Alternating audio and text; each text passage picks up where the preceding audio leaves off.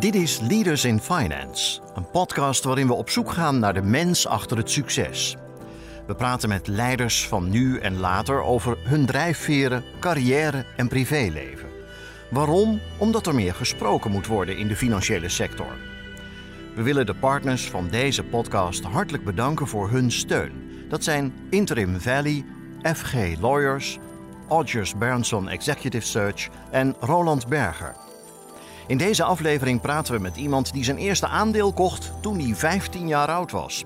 Hij omschrijft zichzelf als een redelijk intense dude en hij houdt van sport. We hadden een gym op kantoor waar ik ging kickboksen en met, uh, met personeel. En, uh, dus het was allemaal best wel hardcore. Tegenwoordig houdt hij zich onder meer bezig met het coachen van ondernemers. Dan ga ik ook met ze mediteren en dan uh, probeer ik ze echt ja, een betere leider te maken. Maar ooit besloot hij een klant een computer cadeau te geven. We hebben een computer bij hem geïnstalleerd. En die man die dacht, wat is dit nou, weet je wel? Mijn bank geeft mij gewoon een computer. Zodat de klant voortaan kon inloggen om zijn beurskoers te zien stijgen. In deze aflevering van Leaders in Finance is te gast Chris Zadé. Je gastheer is Jeroen Broekema. Welkom bij een nieuwe aflevering van Leaders in Finance. Deze week spreek ik met Chris Sade, voormalig managing director van Bink Bank en oprichter van Open. Welkom Chris. Hi. Leuk dat je de tijd neemt. We zitten hier in uh, Griete Bloemheuvel in, uh, in Driebergen-Zeist. Uh, leuk dat je met ons in gesprek gaat. ik zal jou kort introduceren. Chris schrijf je C-H-R-I-S en Sade schrijf je Z-A-D-E-H. Chris heeft reeds een zeer boeiende carrière achter de rug. Hij was vroeg betrokken, om precies te zijn medewerker nummer 6 bij het grootmaken van Bink Bank, dat eerder was opgericht door Carlo Bagijn en Thierry Schaap. Hij maakte er als managing director van Nederland de beursgang mee, waarbij sprake was van een waardering van meer dan 1 miljard euro. Later, richtte hij Open op, het eerste cloud-based core banking bedrijf ter wereld. Open heeft als klanten bijvoorbeeld Robeco, NN, KNAP, de Volksbank, Egon en Leaseplanbank. In 2019 droeg hij de CEO-positie van zijn bedrijf over aan Matthijs Aler. En na een korte periode als non-executive director verliet hij eind 2020 Open volledig, ook als aandeelhouder. Wat hij voor zijn aandelen kreeg is onbekend, maar het is fair to say dat het Chris zeer vermogend heeft gemaakt. Recent startte hij One Guy, een corporate finance advisory bedrijf. Hij is de co-auteur van twee boeken, Monkey Money Mind, over hoe we vaak emotioneel en niet rationeel omgaan met geld. En hoe we dat ook anders zouden kunnen doen. Met andere woorden, zou ik zeggen, een boek over behavioral economics. En recenter kwam het boek Banking the Cloud uit, over het verhaal achter cloudbanking en het oprichtingsverhaal van Open, geschreven samen met Matthijs Aler. Beide boeken heb ik met uh, veel plezier gelezen. Ze liggen hier ook voor me. Ik zal er ook zeker iets uit gebruiken in dit gesprek. Uh, maar tot slot, Chris is 45 jaar en woont met zijn vrouw het grootste deel van het jaar op Ibiza. Hij houdt onder andere erg van reizen, sport, yoga en een van zijn andere hobby's is duiken, of specifieker duiken met haaien. Chris, waar ik eigenlijk mee wil starten is, hoe is het nou om niet meer zo'n groot, want het is een groot bedrijf geworden, hè? toen jij wegging circa 150 medewerkers. Hoe is het nou om niet meer zo'n bedrijf te leiden? Ja, nou ja, ik vind het voor nu, voor vandaag eigenlijk een, even een verademing. Uh, ik, heb, uh, ik was heel jong toen ik uh, Kalo ontmoette. ik was 23 toen ik bij Bink kwam. En ja, voor ik het wist was ik 43. Hè, dus eigenlijk in een nutshell 10 jaar Bink, 10 jaar open. En dat was ongelooflijk hard knallen. Ook heel erg leuk. Maar zeker in de twintig jaren, mijn vrienden gingen studeren. En die gingen drinken en achter de meiden aan en uitslapen. allemaal leuke dingen doen.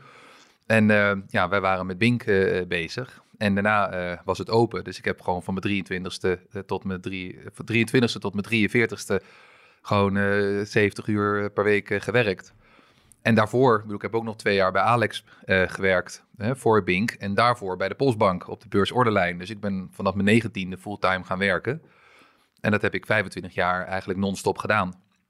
Dus toen ik daarmee stopte, was heel, een hele bijzondere tijd. En ja, dat heb ik ook heel bewust gedaan. Ik heb een jaar lang iedere dag voor uh, eh, 12 uur niks gedaan. Dus mijn computer niet aangedaan en ook mijn telefoon niet. Nou ja, ik kreeg wel een beetje ontwenningsverschijnselen uh, aan het begin.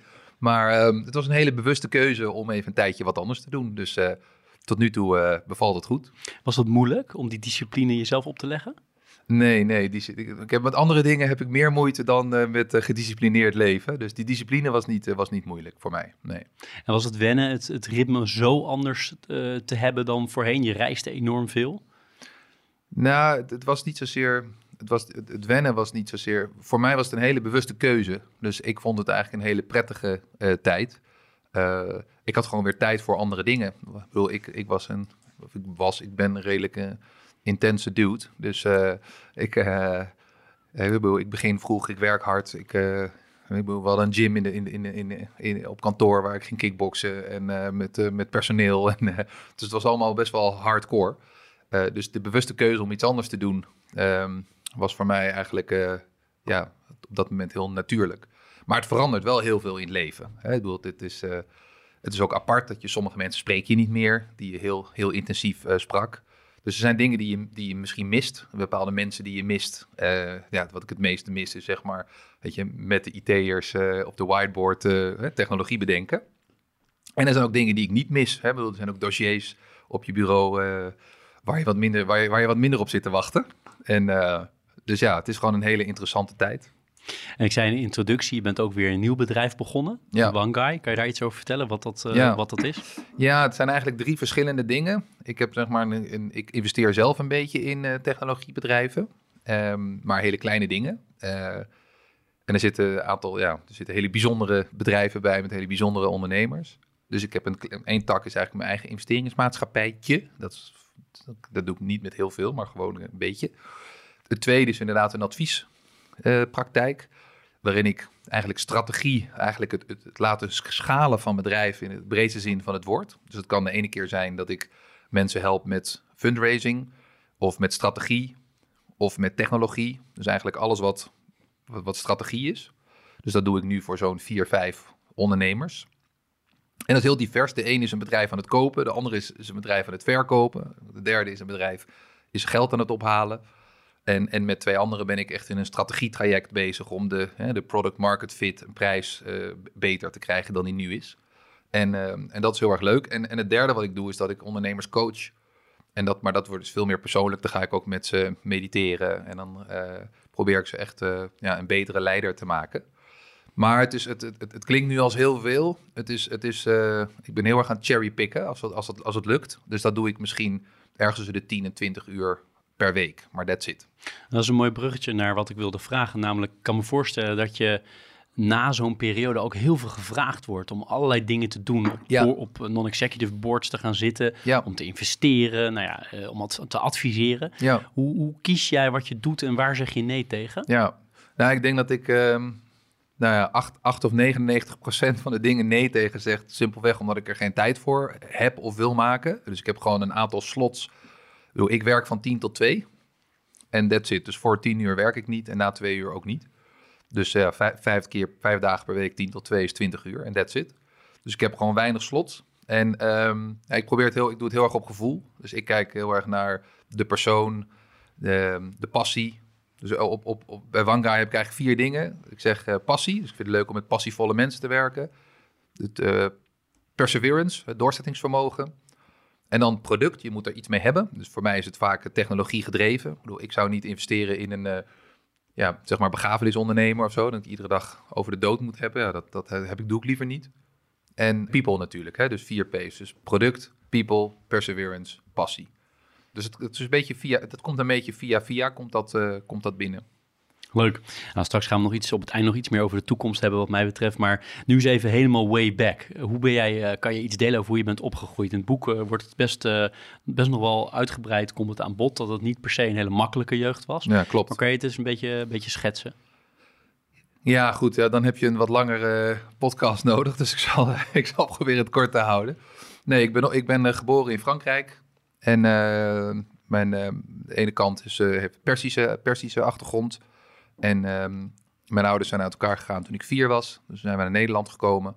Uh, mijn moeder is, is, was secretaresse bij ABN AMRO. Uh, van een van de raad van bestuursleden toen de tijd.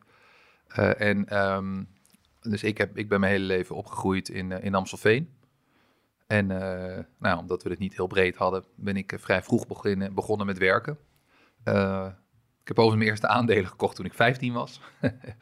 Uh, waren aandelen KLM, kan ik me heel goed herinneren.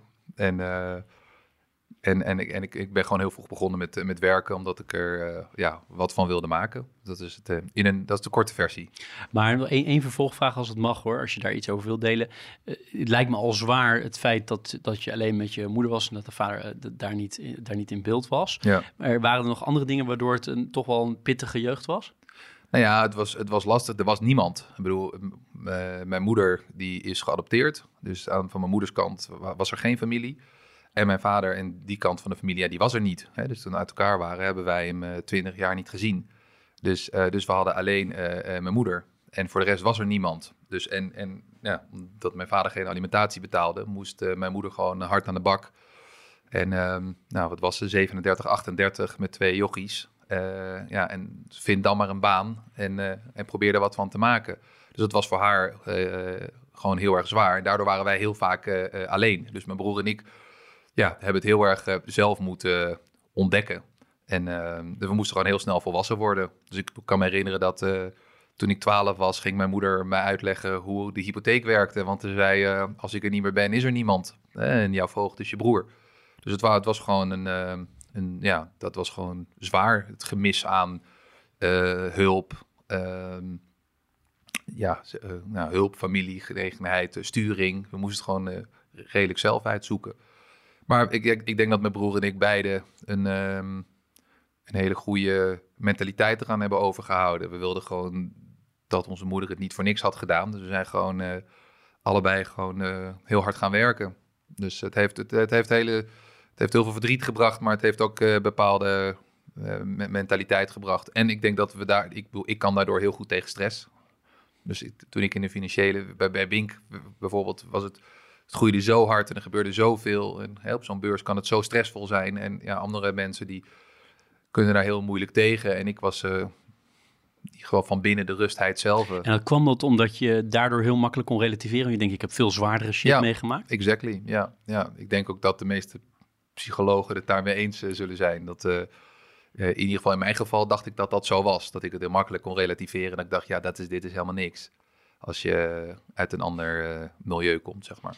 En waar kwam die interesse voor beleggen en geld vandaan? Je zei, je moeder werkte wel in ieder geval in de financiële nou, sector. Ik denk, dat daar, ik denk dat het, ik weet het niet. Ik denk dat het ergens getriggerd is, misschien door... ik weet in ieder geval dat ik niet de, dezelfde financiële problemen wilde hebben als mijn moeder. Dus ik denk dat ik daardoor zeg maar getriggerd werd. Uh, ja, ik ging heel vroeg begonnen met de krant lezen. En uh, dat was dan de financiële telegraaf. En dan zat ik naar die getalletjes te kijken. En dan wilde ik het snappen. En uh, ik weet nog dat ik toen ik een zomerbaantje had en daar iets van geld mee had verdiend, zei ik tegen mijn moeder: Ik wil aandelen kopen. Kan jij even regelen dat ik, dat, dat, dat ik dit, wat was het, duizend gulden of zo, wat ik in een zomer had verdiend, dat wil ik in aandelen stoppen. Dus ik heb gewoon, ik denk dat ik denk dat de initiële trigger was, dit is een manier om, um, om, om, om wat minder financiële problemen te hebben. Dus, uh, dus dat, denk ik. Maar volgens mij is het ook wel fair to say dat je nog meer geïnteresseerd bent in de technologiekant dan misschien de financiële kant. Of ja, niet nee, zeker, zeker. De technologie is veel, uh, veel boeiender. Ik denk, dat, uh, ik denk dat er veel mensen zijn die begonnen zijn met technologie door computerspelletjes. de, mijn hele vriendengroep van de middelbare school is ook eigenlijk allemaal de techniek ingegaan. En we speelden zeg maar ja, computerspelletjes. En op een gegeven moment ga je computers aan elkaar vastbinden. Om er een netwerk van te maken, om dan met elkaar te kunnen spelen. En uh, ja, vroeger in, in onze tijd van de Commodore 64 uh, was het een stuk complexer dan vandaag. En, en op een gegeven moment ga je dus ook een beetje kennis daarvan krijgen. En ja, toen internet een beetje opkwam, nou, gingen wij ook kijken van hoe, hoe, hoe werkt dat dan? En hoe werkt het dan aan de achterkant? En nou, hoe, hoe werkt HTML? En dan gingen we proberen te HTML'en. En dan uh, wisten we hoe we iets uh, bold konden maken en schuin en uh, dat soort dingen. Dus, ehm, dus ik had altijd daar een nieuwsgierigheid voor. Ik weet nog dat ik in, aan het backpacken was in Australië. dan heb ik het over, ik weet niet, ergens 96 of zo. En dat je toen van die internetcafeetjes hebt. En dan kon je zeg maar naar de telegraaf.nl. En dat ik echt zat denken, ja, hoe werkt dat dan? Hoe werkt het aan de achterkant? Hoe kan ik hier naar een computer kijken? En een ander leest gewoon het nieuws. En ik ging zeg maar aan de achterkant van, van het scherm kijken. hoe kan het nou dat ik dat hier kan, uh, ja, dat ik dat hier kan zien? Dus ik heb, uh, en, en omdat mijn vrienden allemaal die kant op gingen, systeembeheerders werden en zo. ja, vroeg ik gewoon aan hun, hoe werkt dat? Je, hoe werkt een netwerk? Hoe werkt, uh, weet je, hoe werkt het internet? Hoe werkt een server? En zo kreeg ik er een beetje kennis van. En ik denk dat, dat Carlo dat herkende toen hij dus uh, centjes had opgehaald en, uh, en een aantal mensen naast zichzelf moest hebben. En dat hij zag dat ik in ieder geval daar een, een, een interesse voor had. Dus ik mocht zeg maar de, de website gaan bouwen en de systemen. Dus ik heb toen ook mijn, mijn, vriendjes van de middelbare school, de, de, de, de eerste IT-afdeling van, eh, van Bink waren zeg maar mijn vrienden van de middelbare school, die ik ging bellen. En de ene had een webbouwbedrijfje. En, uh, en zei ik, joh, kappen met het bouwen van die websites voor bakkers. En je, we, hebben hier, we kunnen hier iets vets maken. En de andere die werkte bij Getronics. Die belde ik, zei, ik ga je rest van je leven in zo'n witte, witte, witte Volkswagen met zo'n lelijk Getronics en dit blauw aan de zijkant. Kom hierheen, we kunnen iets vets maken. En dus ik heb hun allemaal overtuigd dat ze mee moesten. En toen zijn we begonnen met programmeren. Dus, uh, dus zo is het zeg maar begonnen. Ja, want je bent toen zelfs ook gestopt met je studie, hè? Om gewoon fulltime te gaan werken. Was het nog vanuit jouw jeugd een moeilijke keuze? Dat je dacht, ik moet een soort veiligheid hebben en, en juist risicoavers zijn en niet zomaar gewoon wel mijn studie afmaken en een, een, een, baan vinden waarin ik elke maand mijn loon krijg en dat soort dingen? Of speelt het helemaal niet nee, rol? Nee, ik werd heel erg uh, meegenomen door, uh, door Kalo en zijn, hè, zijn, zijn visie en uh, ik vond hem gewoon een super mooie gast. En ik wilde gewoon met hem mee. Dus ik denk dat meerdere mensen dat hebben. Die, uh, hè, de oprichter van Bugs komt daar vandaan. En, zo, en van Blanco. En meer mensen die dus voor Calo hebben gewerkt. En hij vertelde me het verhaal, zeg maar, zijn ideeën, zijn visie over, over Bink. En uh, ja, dat was voor mij, I never looked back, zeg maar. Dus uh, ik, ik, ik, had, ik, was, ik wilde wel, zeg maar, eigenlijk, ik moest nog één jaar van mijn studie. Dus ik, had derde, derde jaar moest eigenlijk nog zeggen, weet je, drie kwart jaar en mijn scriptie. Dus ik denk, nou, dat doe ik er wel naast. Maar voor ik het wist, was ik acht jaar verder. Omdat we met, uh, met Wink ongelooflijk hard uh, we zitten werken. Dus, um, dus maar toen ik zeg maar via, via Kalo ontmoette en ik hoorde zijn verhaal en wat hij wilde doen, toen was ik verkocht. Dus ik heb alles opgegeven en ben gewoon met hem meegegaan. Ja, want Kalo is ongelooflijk belangrijk uh, voor jou geweest. Ja. Of is misschien nog steeds. Zeker, ja. Um, komt ook vaak in het boek terug. Is ook bij Leaders in Finance op, op bezoek geweest. Ja. Maar kan jij eens omschrijven, wat, wat is dat charismatisch? Of wat is datgene wat jou zo aansprak en wat blijkbaar veel mensen aanspreken? En zoals je zelf al zei, ook heeft geleid tot enorm veel succesvolle ondernemingen uit Ja. zijn school, zou je bijna kunnen zeggen. Ja, klopt, ja. ja. Nou ja, het is, het is zeg maar visie en enthousiasme, denk ik. Ehm, dus het is, eh, ik werd in ieder geval getriggerd door de visie en het enthousiasme. En, eh, en, en ja, en hij, hij, wist, hij wist, denk ik, de juiste mensen te triggeren om zeg maar met hem mee eh, te gaan. En dus, ik, dus, dus dat, was, dat was het voor mij. Maar hij heeft gewoon een aantal. Ik bedoel, één, hij, hij kan. Hij heeft een ongelooflijk goede visie over weet je, wat belangrijk is in de toekomst. En hij durft daar ook aan vast te houden. Dus als, als je als ondernemer word je ontzettend getriggerd aan alle kanten. Hè, van, van mensen, media, adviseurs, consultants. Iedereen heeft een mening. En ja, hij heeft zoiets, ja, dat de beste stuurlui staan aan wal. Eh, weet je, ik, zit, ik zit op het schip en ik ben de kapitein. Dus ik bepaal welke kant wij opvaren. En uh, dus die had heel duidelijk, had heel, hij was heel duidelijk de kapitein. En hij had een aantal matrozen en een aantal, zeg maar, luitenanten. En, uh, en hij, hij wist dat heel goed ja, zo neer te zetten. En dus wij gingen daar heel graag in, in mee. Dus ik denk één, zeg maar, de visie en de strategie. En, en daaraan vasthouden. En uh, ja, ons daarin te motiveren om, uh, om mee te gaan. En dat heb je ook meegenomen naar Open? Ja, ja. ik heb zeg maar de, de goede dingen van hem meegenomen. En de minder goede dingen die ik wel eens zeg, uh, heb ik, heb, die heb ik wel achter, achterwege gelaten.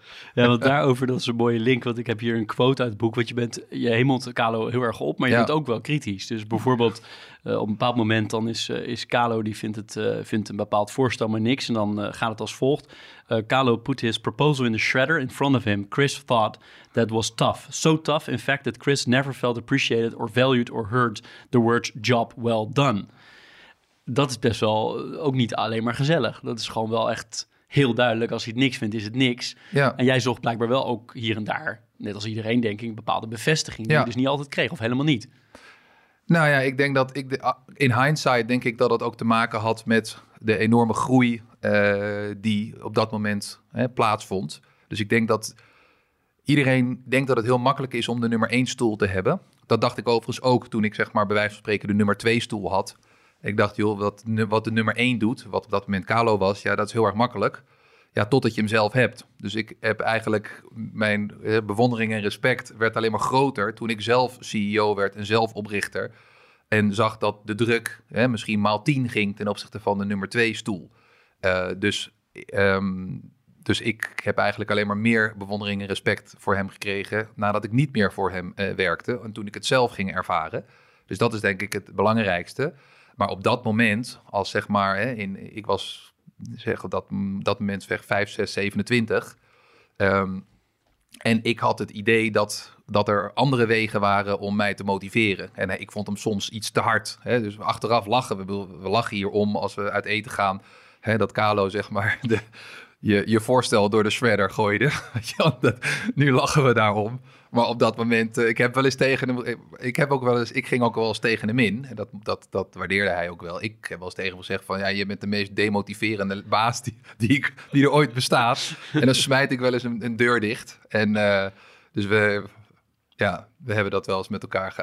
Als wij ruzie kregen, dan ging het er hard aan toe. En eh, we zijn een keer, ik weet dat, ik denk dat als je hier ooit eh, Vincent eh, Germijns krijgt, de CEO van, de huidige CEO van Bink, dan eh, moet je hem dit verhaal maar eens vragen. Dat, eh, dat wij waren in België en toen wa- was hij net aangenomen als baas België. Het toen waren we uit eten geweest, we hadden wat drankjes op. Toen kregen Carlo en ik ruzie, zeg maar, in, in een restaurant. Toen zaten we met hals scheldend als twee viswijven. En, hij zat daarbij, net, weet ik, volgens mij een maand, maand binnen of zo. En hij dacht, wat zijn dit voor een idioten? Dus, eh, dus wij, wij, wij, konden nog wel eens, ehm, wij konden nog wel eens hard tegen elkaar eh, tekeer eh, gaan. Maar, ehm, dus ja, nee, dat was op dat moment, op dat moment had ik het gevoel dat, nou, dat er een andere manier zou zijn om mij nog meer te motiveren. Maar ik denk dat achteraf ik me pas realiseerde, weet je, hoe bijzonder en hoe heftig het was voor Carlo en Thierry, beide. Die, die waren gewoon nog in hun twintige jaren, hè, bouwen een bedrijf op, ja, kregen, krijgen een bankvergunning, eh, weet je, gaan naar de beurs en eh, doen, eh, wat is het, 60, 65 procent van alle particuliere orders in Nederland. En het bedrijf van 0 naar 850 man in acht jaar tijd.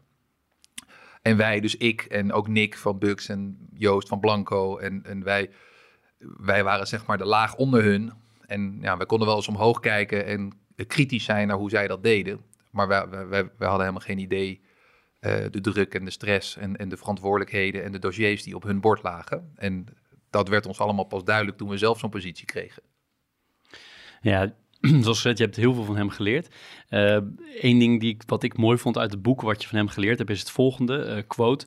Better to have two out of ten find you brilliant and the rest think you suck. It's better than everyone thinking you're just okay. Ja, Kan je dat nog eens toelichten? Ja, nou, dat is eigenlijk altijd de strategie geweest. Eh, en, ik denk dat, en, en ik denk dat dus de strategie, dat dat echt zeg maar, uit Kalo zijn, koker komt. En dat ik dat bij Open heb gedaan, Nick bij en Joost bij Blanco, dat we dat heel erg hebben meegenomen.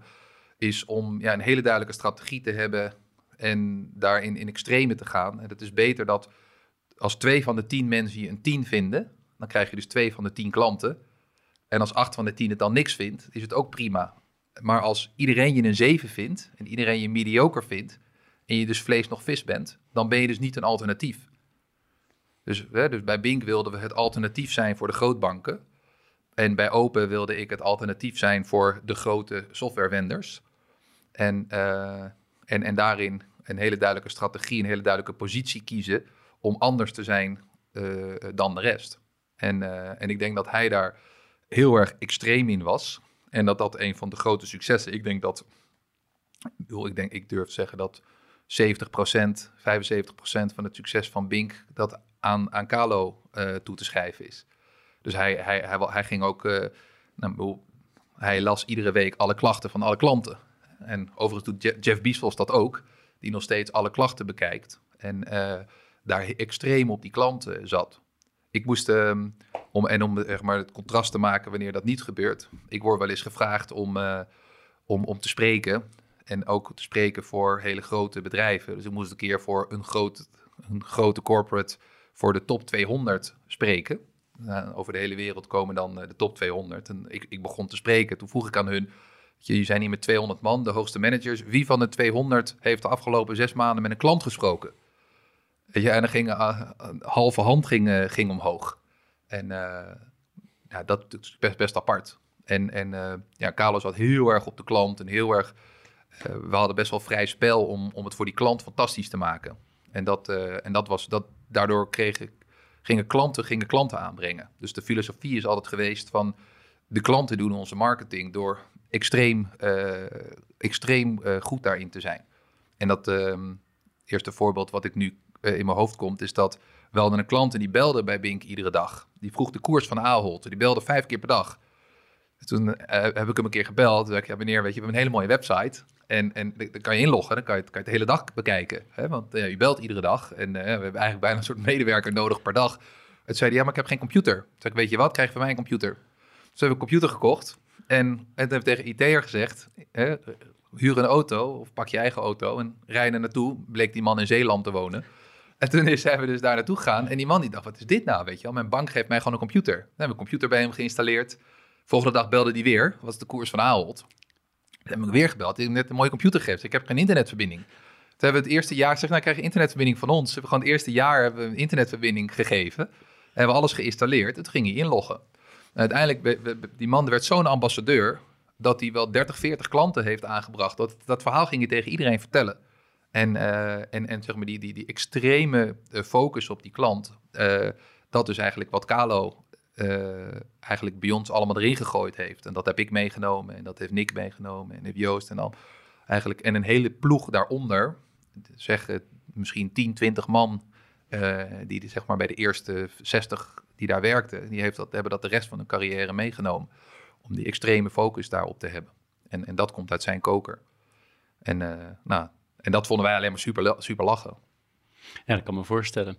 Want je was een van de eerste medewerkers. Wanneer kreeg jij door van dit gaat echt groot worden? Ja, goede vraag. Daar moet ik eigenlijk over, na, moet ik eigenlijk over nadenken. Um, ja, ik denk dat ik het weet, nu, nu je het zo vraagt wij gingen op een gegeven moment, uh, lagen we plat. Hè? het systeem kapte ermee. En we konden maar niet ontdekken waardoor dat kwam. Nou ja, als je dan heel veel klanten hebt en die gaan allemaal bellen. En, uh, en, en, uiteindelijk bleek het dus dat we... Uh, de database had een maximum van 1 miljoen records. Dus dat was toen we onze miljoenste order deden, lagen we dus plat.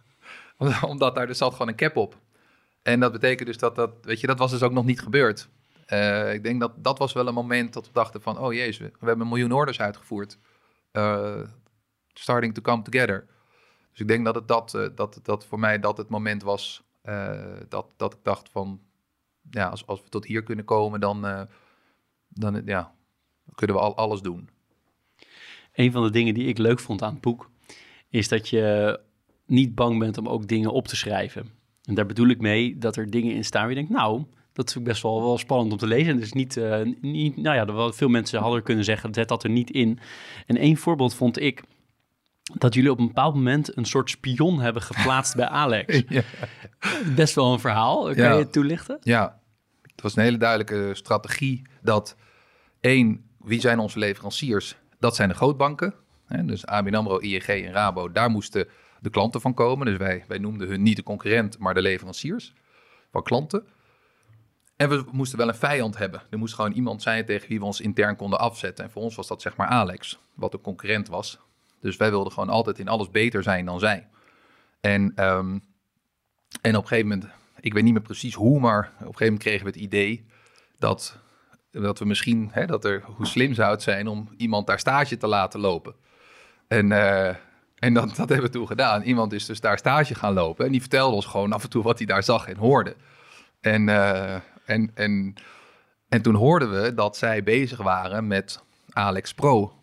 Uh, dat ze gingen segmenteren en een product gingen maken voor de meest actieve beleggers. Wat wij overigens een briljant idee vonden. En waar we dachten, jezus, wat stom dat wij dat niet bedacht hebben. Want natuurlijk is dat slim. En daar waren ze al een jaar in geheim mee bezig. En toen hoorden we dat. En toen kwam, uh, ja, Carlo die kwam naar ons toe. Want zeg maar, de, de developers, uh, dat was mijn team. En ja, kunnen we ook zo'n ding maken? Ik zeg ja, uh, nou hebben we voor eerst naar Amerika gekeken, want daar, daar bestond het al. Het was niet Alex' idee. In Amerika uh, had je dat soort systeem al, uh, die segmentatie van klanten al lang. Dus ja, oké, dat ja, maar ja, hebben we wel even voor nodig, zeg maar. Ja, we moeten iets hebben, we moeten iets hebben. En toen zei ik, oké, nou laat ons maar met rust. Toen zijn we dus met een team, voordat Agile begon, zijn wij Agile gaan werken. Dat was gewoon prototype live zetten, prototype live zetten.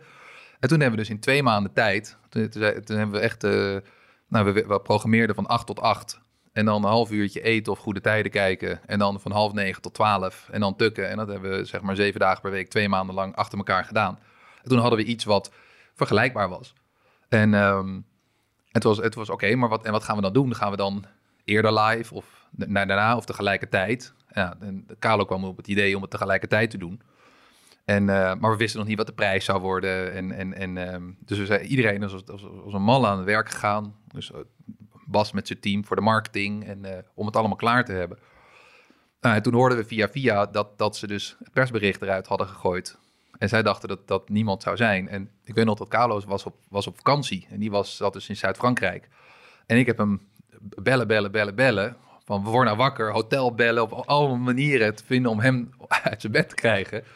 En toen uh, nam hij op en ik zei, ja, weet je, ze gaan live. Uh, gaan, krijg ik een oké om ook live te gaan? Hij zei, oké, ik ga maar live. En oké, wat worden dan de tarieven? En toen heeft Carlo on the spot de tarieven bedacht. En die zei van, nou, weet je, aandelen is dit, opties zijn dat, futures zijn dit. Zeg ik, ja, weet heel zeker, want we hadden helemaal geen idee wat de impact op de omzet uh, zou zijn. En ja, doe het maar. En, en toen hebben we persbericht live gezet. En toen stonden dus in alle kranten van, hè, Alex komt met Alex Pro en Bing komt met Bing Trader. En, uh, en, zo, en zo hebben we dat toen gedaan. En, ik, en we hebben het ook jaren later aan René verteld, René Vrijters, de oprichter van, uh, van Alex. En, uh, maar op het moment zelf ging daar, hij, ging, hij werd helemaal gek. Hij heeft gewoon met, en met prullenbakken door het pand zitten gooien. En dacht, hoe, hoe kunnen die gasten dat weten? Hoe kunnen ze ons zo kopiëren? En, uh, en, jaren later heb, heb, ik, heb, heb ik het toch al verteld van, joh, zo hebben we dat toen gedaan. Met naam erbij van de persoon? Uh, nee, de naam niet. Die is veilig nee, gebleven? Die is veilig gebleven, ja, die is veilig gebleven. Maar dat was zeg maar, dat soort ondernemerschap, ja, dat was, dat was gewoon uh, briljant. Dat waren gewoon fantastische, fantastische dingen om, om met elkaar te doen. Ik vond zeg maar, ja, die periode was, was gewoon geweldig. We hebben gewoon best wel, ja, het, met, met, een heel, ook, en ook weer met een heel groot budget dingen doen is relatief makkelijk. En als je weinig budget hebt, moet je creatief zijn. Uh, dat is ook een mooi, misschien een mooi voorbeeld was dat we vroeger had je in een RAI had je die, die beleggersbeurs. En iedereen had daar hele grote uh, stands. En, uh, en, en toen nou, was er een, een brainstorm met creatievelingen erbij en bla bla bla. En uiteindelijk, nou, Carlo maakte dan het besluit. En wij zouden dan de kleinste booth hebben. Dan moesten we wel iets, iets bijzonders doen. En toen was er dus iemand die zei van ja, beleggen, beleggen. Maar je gaat toch ook brood beleggen? En wat is nou het gaarst op zo'n grote beurs? Het eten. Dus waarom maken wij van onze stand niet gewoon een eettent? En uh, dus wij hadden zeg maar 10.000 broodjes besteld bij uh, bakkers. En we hadden gewoon bij de, bij de, zeg maar de Sligro en dat soort dingen hadden we gewoon allemaal beleg gehaald. En hadden dus een, een, een, een gratis eettent van gemaakt. En uiteindelijk moesten de dranghekken kopen, omdat dus iedereen dus zeg maar langs onze tent kwam. En ik weet nog dat dus het bestuur van de RAI, die, en ik, ik stond daar, ik was dan zeg maar de baas daar op de, op de, dag zelf.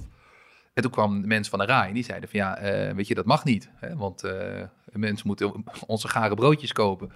En uh, het, is, het is ik Carlo bellen, joh, wat moet ik doen? En ja, zeg maar dat ze een brief sturen.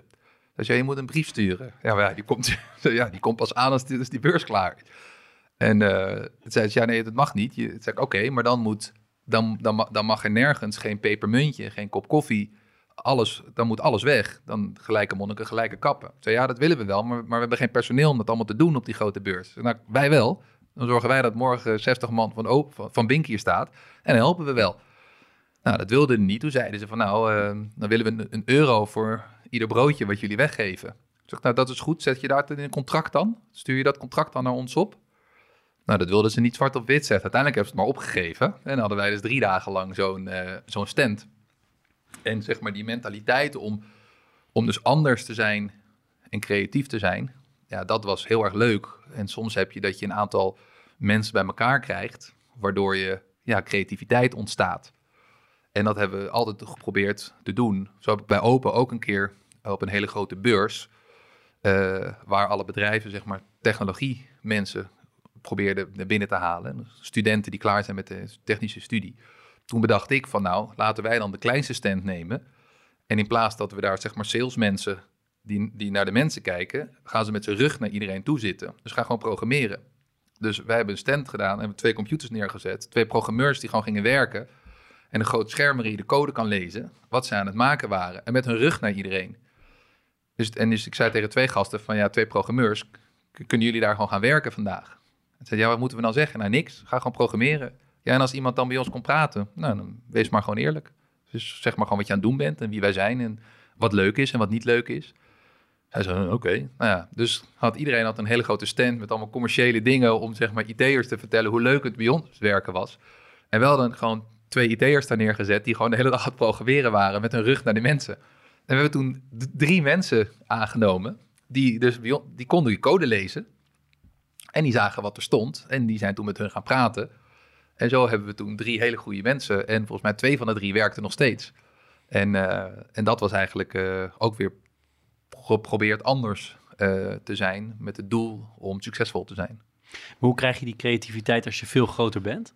Dus als je een paar honderd of later had je 150 man, maar misschien ook voor corporates hè, die naar deze podcast luisteren. Je hebt een paar duizend man in dienst. Hoe krijg je dit soort creativiteit erin? Nou, ik, ik denk dat je dat soort momenten, nou, dat, dat, dat je de mensen uit hun dagelijkse, uh, nou sleur wil ik niet noemen, maar gewoon uit de dagelijkse operatie moet krijgen.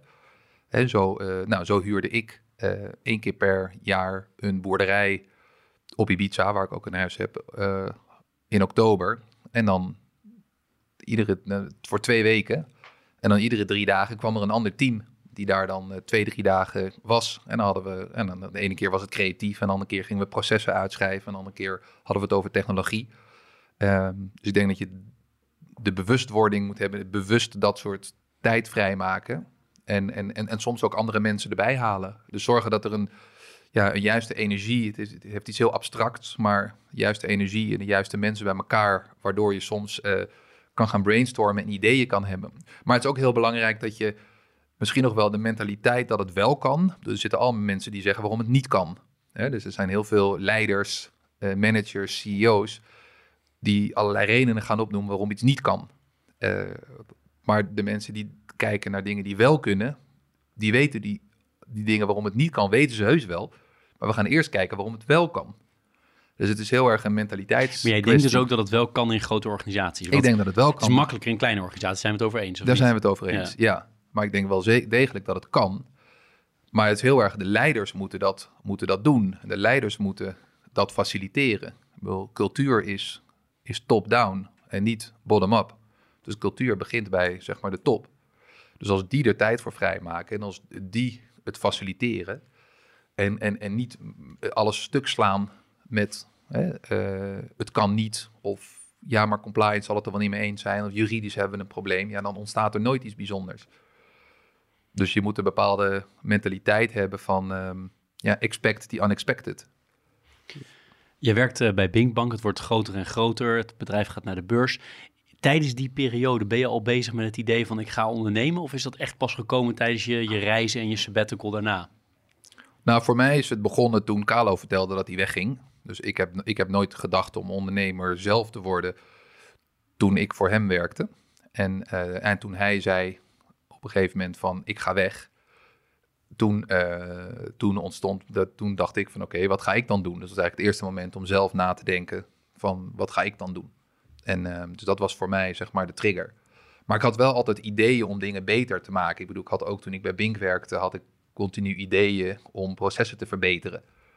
Nou, ik noem maar iets geks, maar um, ik zeg maar bij een bank heb je, de meeste banken hebben nog batch schedulers die, die, die, die processen s'nachts uh, op, op, die processen s'nachts aanzetten. Ja, en als die eruit klapt, nou, dan kan alleen maar de hele batch scheduler weer aan. Dus ik dacht van, nou, waarom maak je dan niet dat je als die binnen een bepaalde tijd stuk gaat, dat die dan wel aangaat en buiten die bepaalde tijd niet. En of dat hij een bepaald proces weer aanzet en een ander bepaald proces niet. Dus ik was altijd aan het denken over hoe we processen konden verbeteren door daar technologie voor te bedenken. Dus, dus het zat er wel in. En, uh, maar toen Carlo zei, tegen ons vertelde dat, dat hij uh, de intentie had om op te stappen, dat was voor mij de trigger om te denken, nou dan ga ik ook. Waarom open? De naam of het bedrijf? Het bedrijf, hoe kwam je erop, op het idee om dit te gaan doen? Nou, ik moet zeggen, een, een heel groot deel van open, dat idee had ik al bij Bink. Bij Bink hadden we op een gegeven moment zoveel size. Je hebt zoveel klanten die tegelijkertijd inloggen. Zoveel beurzen waar je koersen van binnen krijgt. Zoveel processen die opgestart moeten worden. Uh, dat is heel. Dat, dat maakt het complexer en complexer. Met techniek is size maakt het moeilijk. Hè? Als, als, wij, als je wil streamen van één computer is het heel makkelijk. Maar als er 30 miljoen mensen tegelijkertijd moeten streamen, dan wordt het heel complex. Dat, dat is Netflix. Dat, dat is technisch moeilijk. Maar als, als maar één iemand kijkt, is het niet moeilijk. En dus ik had al bij Bink ideeën om bijvoorbeeld het systeem van Bink in tweeën te knippen en er een snelweg en een provinciale weg van te maken. Ik zeg van, hey, kan je niet computerkracht aan processen toekennen? Dat idee had ik toen al daar om te zeggen van, hey, eigenlijk moeten we met de wereld van nu, hè, de wereld wordt mobiel, de wereld wordt real-time, dus in plaats van dat het in processen gaat, die s'nachts, badges die in s'nachts draaien, wat je vroeger had, wordt het steeds meer real-time, wordt het steeds meer mobiel. Dan moet je een aantal onderdelen van het systeem opnieuw gaan maken. Eigenlijk opnieuw gaan bedenken en opnieuw gaan herschrijven en opnieuw gaan programmeren. Maar goed, toen Carlo wegging, toen zat niemand op die ideeën te wachten daar. Dus de nieuwe, de nieuwe mensen die hadden, nou, denk ik, geen idee hoe dat allemaal onder de motorkap werkte. Dus ik dacht meteen af, dit gaat me hier niet, uh, niet lukken. Dus toen ik wegging, begon, had, ik nog, had ik dat idee van zeg maar die nieuwe bank programmeren en een, een, een snelweg versus een provinciale weg. Om het onder de motorkap anders in elkaar te zetten. Uh, dat, dat bleef wel een beetje hangen. En op een van mijn reizen, een van mijn reizen was ook Amerika. Omdat ik vaak daar naartoe ging. Ik ga sowieso één keer per jaar naar Amerika om, om te kijken van wat wordt daar allemaal ontwikkeld en waar zijn ze mee bezig. En dan zie je wel eens technologieën waarvan je denkt, wow, wat cool, wat bizar. En hoezo stoppen ze daar nu zoveel geld in? En, en, een, van de, en een van de dingen die ik zag in 2008, 2009 was de cloud. En, en ik keek er heel rationeel naar. Van, hey, je hoeft de computer niet meer te kopen, je hoeft hem niet meer te installeren, te configureren, uit de doos te halen, in een racks te stoppen, aan je netwerk te hangen, te testen. Je drukt op een knop en hij is er. En als je hem niet wil gebruiken, bijvoorbeeld s'nachts of in het weekend, dan zet je hem uit. Dus ik dacht meteen van ja, als we dit hadden gehad bij Bink, dan hadden we geen, even heel zwart-wit, geen 300 man IT gehad, maar 30. Uh, uh, dus, ik, dus dat was eigenlijk het tweede deel. Dat ik dacht van nee, als we dus dat, die nieuwe bank gaan programmeren, die uh, een snelweg versus een provinciale weg, die een aantal processen onder water anders, anders laat, ge, laat plaatsvinden.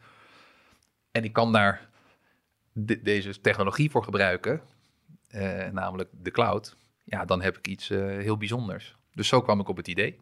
Uh, er moest onvoorstelbaar veel in geïnvesteerd worden om dat groot te maken. Onvoorstelbaar veel moeite moest gedaan worden om die eerste klant te vinden. Je beschrijft het heel mooi in het boek. Uh, uiteindelijk tekent dan Robeco ja. als eerste.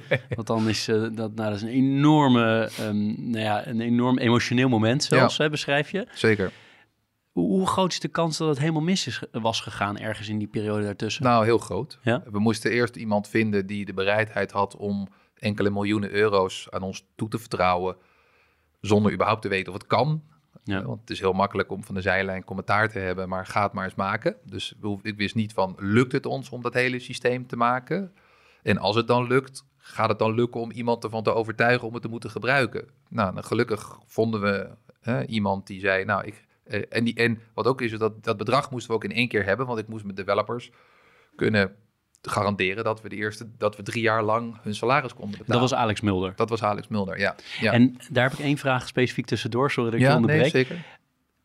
Ging hij investeren om jou, omdat hij dacht, dit is iemand waar ik in geloof? Ja. Of ging hij investeren in, het, in echt het, het onderwerp, het idee van het bedrijf? Of beide? Nou ja, dat, ik denk, dat zou je hem moeten vragen. Maar ik, ik denk dat het, het 80% en mij, en niet alleen ik alleen, ik had een, een, team bij me, dus het waren meerdere mensen, dus eh, ik en de andere mensen die mee zouden doen. Uh, dus het was een team uh, met een track record. En, en ik denk dat die dus de mensen en het team en de track record, dat, dat, die, dat die vooral daarin en, en, en het verhaal, het, het idee, ja, dat, daarvan weet je ook, dat kan ook nog pivoten along the way. Um, en als ondernemer denk ik dat hij dat wist. En ik denk dat dat ook belangrijk is dat hij zag dat met je doorzettingsvermogen en de bepaalde kwaliteiten die je nodig hebt om te slagen als ondernemer, dat hij die zelf heeft. En dat hij, omdat hij ze heeft, ook herkent in anderen. En ik denk dat hij dat in, ik deed dan de meeste gesprekken, dat hij dat in mij herkende. Maar hij heeft ook de rest van mijn team ontmoet. En dat hij dacht van, nou, deze mensen zijn uh, bijzonder. En naast, naast Alex had je uh, Michel, die, uh, Michel Vrolijk, die eigenlijk zijn investeringsmaatschappij runde. En daar hadden wij ook allemaal een klik mee. En hij kwam uit de bankenwereld. Dus hij snapte het idee inhoudelijk heel goed wat hetgeen is wat wij wilden maken. We denken dat het een soort perfect storm was. Dat je, dat, dat je Michel had die het idee daadwerkelijk inhoudelijk snapte. En dat hij een klik had ook met ons en met mij. En dat ja, de, de beneficiary owner, de achterliggende persoon Alex, dat die een klik had met ons als mensen. En dat op basis daarvan ze besloten hebben, laten we het maar, laten we het maar doen. Nou, en toen zijn wij, we hebben twee jaar lang geprogrammeerd. Uh, dus daarna kwamen de mensen pas aan boord. Hè. Toen het geld er was, uh, toen hebben mensen een baan opgezegd, toen kwamen ze aan boord. En toen zijn we in een kelder op de Keizersgracht gaan zitten en hebben we het gewoon twee jaar lang geprogrammeerd.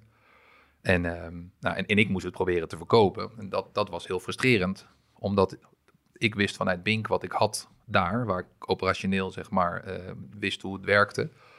En ik wist dat wat ik had, dat dat zeg maar factor duizend beter was dan daar. Niet één keer beter, maar factor duizend. Ja, maar uiteindelijk is het ook heel logisch dat heel veel financiële instellingen zeggen: ja, dat is hartstikke leuk, maar bel maar als je vijf klanten hebt.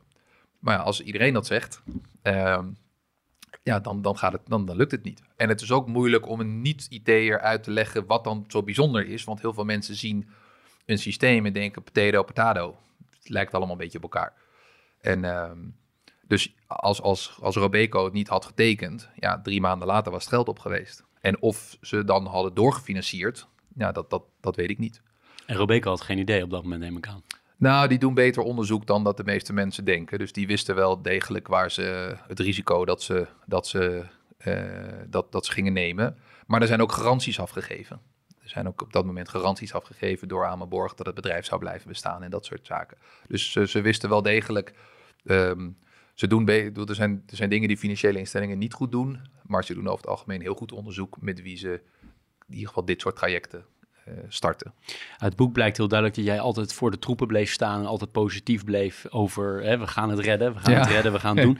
Hoe vaak heb je zelf uh, van binnen gedacht van uh, nee, we gaan het gewoon, de kans is ook gewoon wel aanwezig dat we het gewoon niet gaan redden? Nou, dat was voornamelijk dat, dat uh, gedurende een jaar, anderhal, uh, een jaar dat, dat ik het zeg maar aan het pitchen was. En ik vloog zeg maar de hele wereld rond. En ik heb wel ja, echt honderden keren gepitcht. En ik heb het zelfs op een gegeven moment aan bepaalde partijen gratis aangeboden. Van eens kijken of, of dat werkt. Hè, je zegt van, weet je wat, je mag het drie jaar gratis gebruiken. Nou, en toen ze zeiden van, nee, dat hoeft niet. toen dacht ik, nou, ja, ik heb wel eens, ik heb wel eens vaker dan één keer gedacht... Um, van wauw, misschien gaat het wel nooit lukken om een klant uh, binnen te halen. Dus, ik, dus dat was, uh, ja, dat was, dat was frustrerend. Ja. Er zitten een paar mooie verhalen bij. Ook wat je op een bepaald moment het, uh, het privévliegtuig van Alex Mulder leent om een meeting in Griekenland te kunnen hebben en de dag daarna in, in Londen. Dus er zit ook echt mooie, nou, ik zou bijna zeggen jongensachtige ondernemersverhalen ja. in. Um, als, jij, um, als jij kijkt naar dat keiharde werken. Want dat komt ook heel vaak terug. Hè, dat jullie echt heel erg veel uren erin staken. Zowel bij Bink als bij Open. Ja. Is dat misschien wel de belangrijkste factor van jullie succes? Dat, dat jullie altijd maar weer uren erin gooiden? Ja, ik denk dat het een combinatie van dingen is. Maar um, het, was wel, het was wel een bepaalde mentaliteit om dingen voor elkaar te krijgen. Dus wij hadden hè, bij, bij hele grote IT-projecten uh, is de eerste negatieve gedachte: het duurt altijd langer en het kost altijd meer.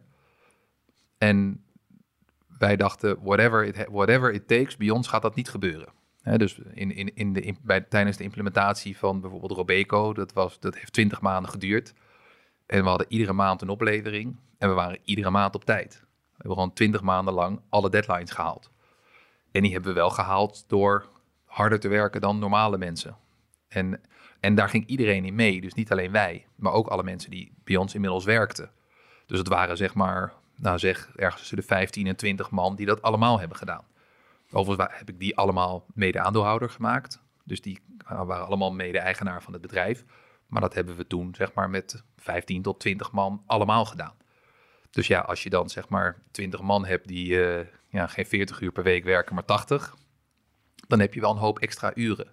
Dus in ons geval was het aan het begin wel de, de, de mentaliteit eh, was, was heel belangrijk. Maar de mentaliteit misschien nog wel belangrijker dan de daadwerkelijke uren. Het was gewoon, wij halen wel deadlines, punt. Whatever it takes. En dat hebben we heel lang uh, vastgehouden.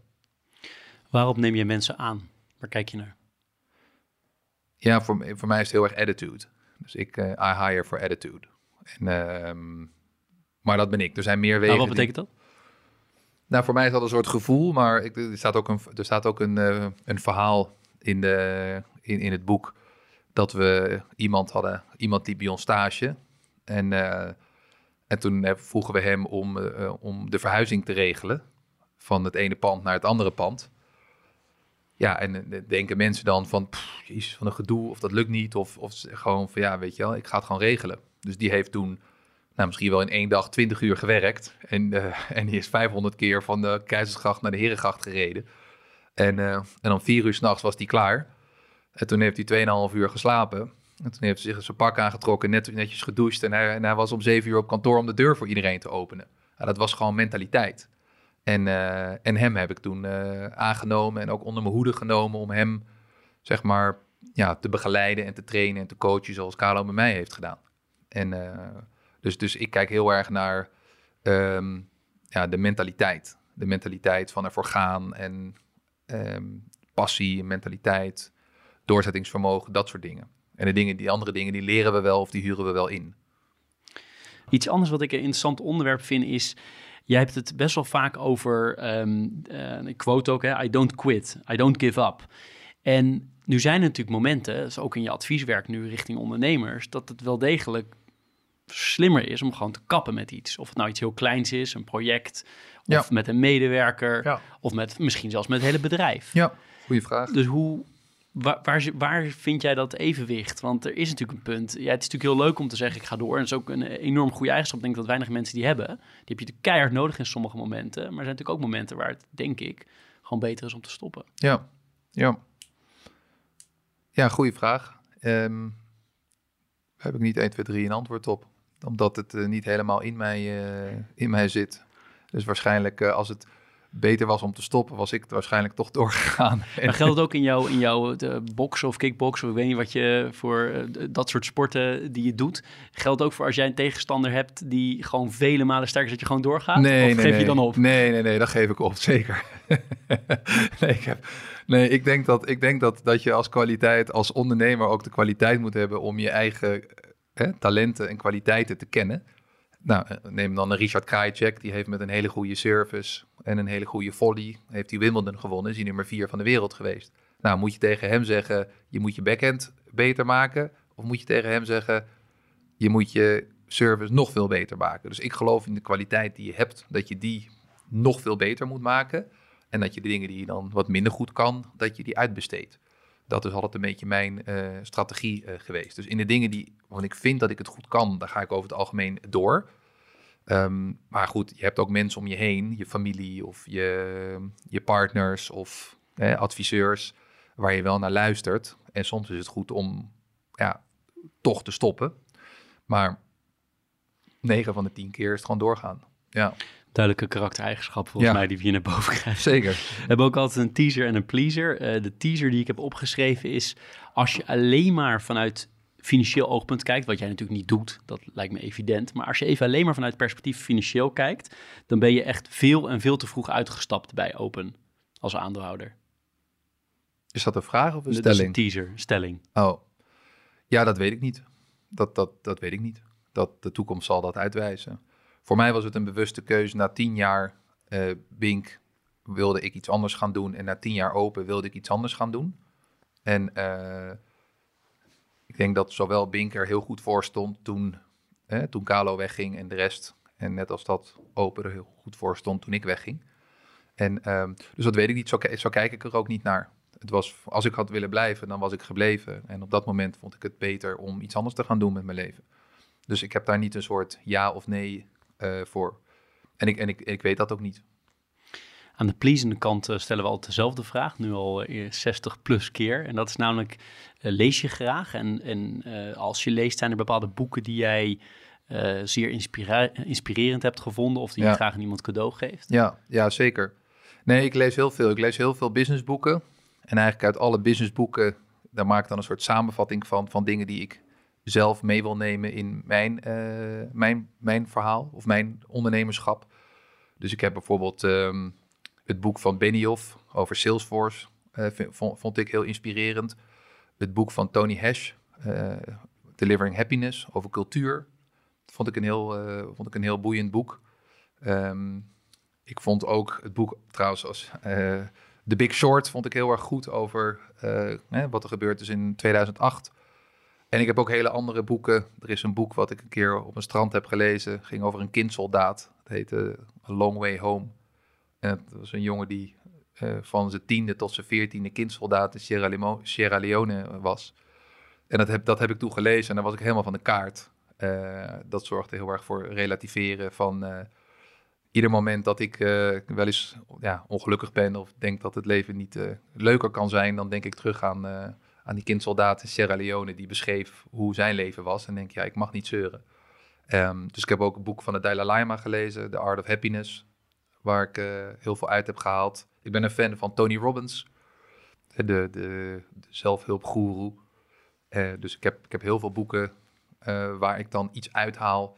Maar ook hele praktische dingen. Hè? Ik bedoel, OKR's. hè? Dus van.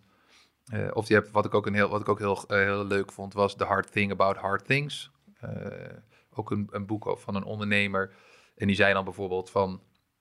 Als je mensen aanneemt, dan moet je niet alleen een lijstje competenties Horowitz. ja, dan moet je niet alleen een lijst maken van competenties wat iemand inhoudelijk en persoonlijk heeft, maar je moet ook een lijstje maken wat je accepteert dat iemand niet heeft. Zo, zo heeft hij bijvoorbeeld een, een salesman die veel te dik is.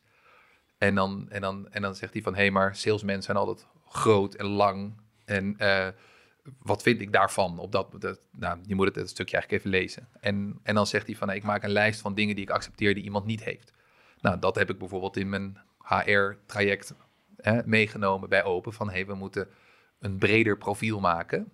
En eh, dus ik haal uit, uit ieder boek haal ik iets wat ik, dan, eh, wat ik dan tof vind en wat ik dan probeer te implementeren. Dus ik ben best wel een boeken-nerd, ja. Hypothetisch, maar eh, Chris Sade wordt vandaag CEO van een van de grootbanken wereldwijd of in Nederland. Ehm, wat zou jij voor dingen doorvoeren die de huidige CEO's niet doen of beperkt doen? Nou ik denk dat de eerste stap zou zijn, eh, zou voor mij zeg maar mentaliteit en cultuur zijn. Om te kijken of je dat, ehm, als die niet de juiste is, of als daar veranderingen of daar verbeteringen mogelijk zijn, om proberen die erin mee te nemen. En dus ook een ander soort mensen aan zo'n bedrijf te binden. Bij Open hadden we, voordat diversiteit een ding werd, ja, wij, hadden, wij hadden al veertig uh, verschillende nationaliteiten, mannen, vrouwen, uh, overal vandaan.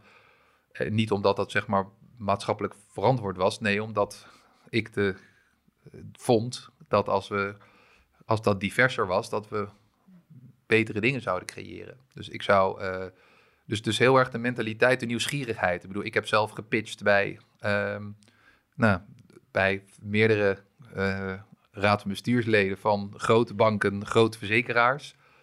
En, um, en, en, en sommigen die hebben, die hebben heel erg de nieuwsgierigheid van, hey, hoe zit dat dan en hoe werkt dat dan? En sommigen hebben echt geen idee. En, en, en, en die vinden het ook prima dat ze geen idee uh, hebben. Um, dus, dus dat. Dus cultuur, denk ik. Mensen die nu uh, klaar zijn met een studie of tijdens een studie gaan stoppen, mag ook. Ja. Maar uh, wat voor tips heb jij voor, en dan specifiek voor mensen die in de financiële sector willen gaan werken, dan als ondernemer, dan al bij een groot bank of bij een verzekeraar, waar dan ook. Ja. Wat, wat zou je hen meegeven? Ja. Nou, ik denk dat ik, de, ik, denk dat ik daar uh, hetzelfde ga zeggen als wat Matthijs zei toen hij hier was. En dat is nieuwsgierigheid. Ik denk dat dat, dat in ieder geval een hoop mensen die ik ken, dat we allemaal heel erg nieuwsgierig waren. Hoe werkt het nou precies? En door die nieuwsgierigheid krijg je zeg maar kennis. En je tijd te nemen daarvoor. Oh, ik denk dat de nieuwe generatie... Wij hebben, zelf, wij hebben zelfs mensen gehad die in hun proeftijd zeiden... Ja, het is misschien tijd voor de volgende functie. Je, je zit nog in je proeftijd, weet je wel. Uh, dus, uh, dus, wij, um, dus neem je tijd om iets heel goed te kunnen. Ik denk dat de carrière van Ruud van Nistelrooy heb ik vaak gebruikt dit zegt van, hé, hey, weet je, die was bij Den Bosch. Toen ging hij naar Herenveen volgens mij. En toen ging hij naar PSV. En toen ging hij naar Man United. En toen naar Madrid. En hij ging pas toen hij daar hè, 30 goals per seizoen erin jakkerde. En, uh, en daardoor heeft hij een hele lange, hele goede carrière. En je hebt spelers van Ajax, hè, die na uh, drie goede invalbeurten weggaan. En die eindigen dan, weet ik veel, bij Malaga of bij een of andere club. En je hoort nooit meer iets van ze. En ze eindigen in, in Cyprus. Um, dus je moet je tijd nemen om iets heel goed te kunnen. En, en, en als je dat heel goed kan, dan voel je je ook heel zelfverzekerd. Dan, dan ga je pas de volgende stap uh, doen.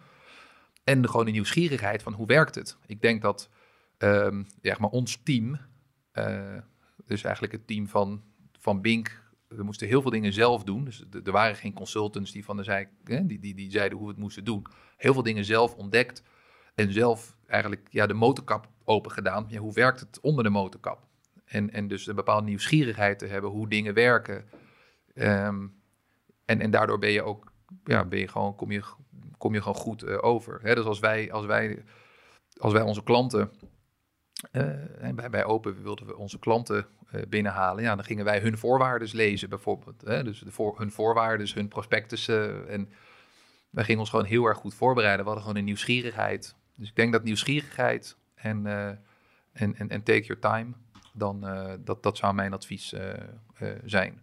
En, en dat, dat, dat, je, dat, dat is ook denk ik iets wat je, wat je vaak mist. Dat mensen die, ja, die hebben geen idee en, en zoek het uit hoe het echt werkt. In mijn voorbereiding kwam ik uh, tegen, maar ik moet het bij jou checken of het klopt, maar dat je ook uh, een boek aan het maken bent over de Yogi CEO. Ja, en dat klopt. klopt dat? Ja. Ja? ja. dat klopt. Ja. Ja, nou, ik ben twintig jaar geleden begonnen met yoga en uh, mediteren. En um, nou, dat, doe ik heel fanatiek. Dus ik denk dat ik nou, gemiddeld vijf van de zeven dagen wel of yoga of meditatie doe, of beide. En het heeft mij heel erg geholpen, denk ik, als leider als, uh, of, als CEO of als ondernemer. En, en ik ben op papier gaan zetten welke onderdelen ik daarvan gebruikt heb en hoe een ander dat zou kunnen gebruiken. dus uh, meditatie zorgt dat stress omlaag gaat. Burn-out, stress, spanning, dat, dat, soort, dat soort dingen die je als werkend mens kan ervaren. En, en hoe je dat dan, wat, wat zijn dan hele simpele dingen de meeste mensen die denken, ja, maar ik heb geen zin om in een, eh, drie maanden in een grot in India te gaan zitten en twintig uur per dag Kumbaya te zingen. En dan zeg ik, nou, weet je, dat hoeft niet. Uh, ik kan je een, een, een, oefening geven van drie minuten, waarin je je ademhaling telt. Nou, dus, dus dat soort dingen. proberen praktische tips uh, uit, uit, de yoga en de meditatie sfeer, om waar je als, als, als leider iets aan kan doen. Wanneer kan ik het lezen? Nu ik toch eh, jouw, al jouw boeken aan het lezen ben. Ja. Wanneer, uh... ja, nou ik neem hier wel iets meer mijn tijd voor. Ik heb de neiging om ergens dan in te duiken en uh, weer 80 uur per week te gaan uh, werken ergens aan. Dus ik heb geen idee. Hoofdstuk 1 en 2 is af. Dus, dus de eerste 80 pagina's zijn af. Ben benieuwd, ben benieuwd. Kan met gemak nog uren vragen op jou afvuren, want er zijn nog zoveel dingen die ik ook met je zou willen bespreken. Dus misschien haal ik je nog wel een keer over voor deel 2. Maar nog even um, als, als paar laatste vragen. Uh, hoe zorg je dat jij uh, fysiek uh, fit bleef in die periode dat je, maar ook nu, hoe zorg je, wat doe je allemaal om fysiek fit te blijven? Ja, nou, zoals je ben ik best wel van de extreme. Dus ik ben best wel gedisciplineerd. Dus ik sta iedere ochtend tussen half zeven en zeven op. En dan ga ik een uur lopen met de honden. Dus dan heb ik een wandeling van een uur. Uh, ik, heb, ik heb twee herdershonden. En daarna ga ik een uur sporten. En de ene dag is dat yoga, en de andere dag is dat fitness, en de andere dag is dat kickboksen. Maar wel iedere dag. Dus zes dagen per week. Dus, dus twee keer kickboksen, twee keer krachttrainen, twee keer yoga. Dus dat, dus eigenlijk voor negen uur heb ik er al twee uur op zitten. En dat doe ik zes dagen in de week. En, uh, en daarnaast let ik op mijn voeding. Uh, dus ik, heel bewust dat ik bepaalde dingen wel eet en bepaalde dingen niet eet. En ook in een bepaalde uh, ja, gradatie. En, um, en ik doe ook uh, drie, vier avonden per week doe ik ook yoga en meditatie. Dus uh, een groot deel van mijn tijd stop ik in mijn fysieke en mentale gesteldheid. Maar ik, ik, wil, ik zeg niet dat iedereen dat moet doen, maar voor mij is dat, voor mij is dat heel erg prettig. ik wil als je, niet, als je niet wil lopen, moet je niet twee herdershonden nemen. En, eh, en, eh, En ik, ik vind het heerlijk om iedere dag een uur met hun te lopen. En, ehm, en ik vind het ook heerlijk om iedere dag een uur te sporten. En eigenlijk behalve de zondag doe ik dat niet. Zondag is rustdag. En zondag is ook zeg maar cheat day, dat ik alles eet. En dus ik ben best gedisciplineerd in mijn manier van, van, van leven. Maandag ga je weer extra hard van start met, uh, met sport ja. en, en, dergelijke. Ja. Dan rest mij jou heel hartelijk bedanken, te bedanken voor dit leuke gesprek. En ook voor je ontzettende openheid. En um, dat is geen woordgrap, dat komt nu in me op. Maar veel dank daarvoor. Je krijgt zo meteen nog een klein bedankje voor, voor die tijd die je erin gestoken hebt. En uh, nogmaals, ik zou, je heel, ik zou het heel leuk vinden om je uh, nog eens een keer te spreken. Want er is nog heel veel ook onbesproken gebleven. Maar ik denk dat we een heel, ik in ieder geval een heel goed beeld hebben gekregen van jou. Dankjewel. Nou, dankjewel.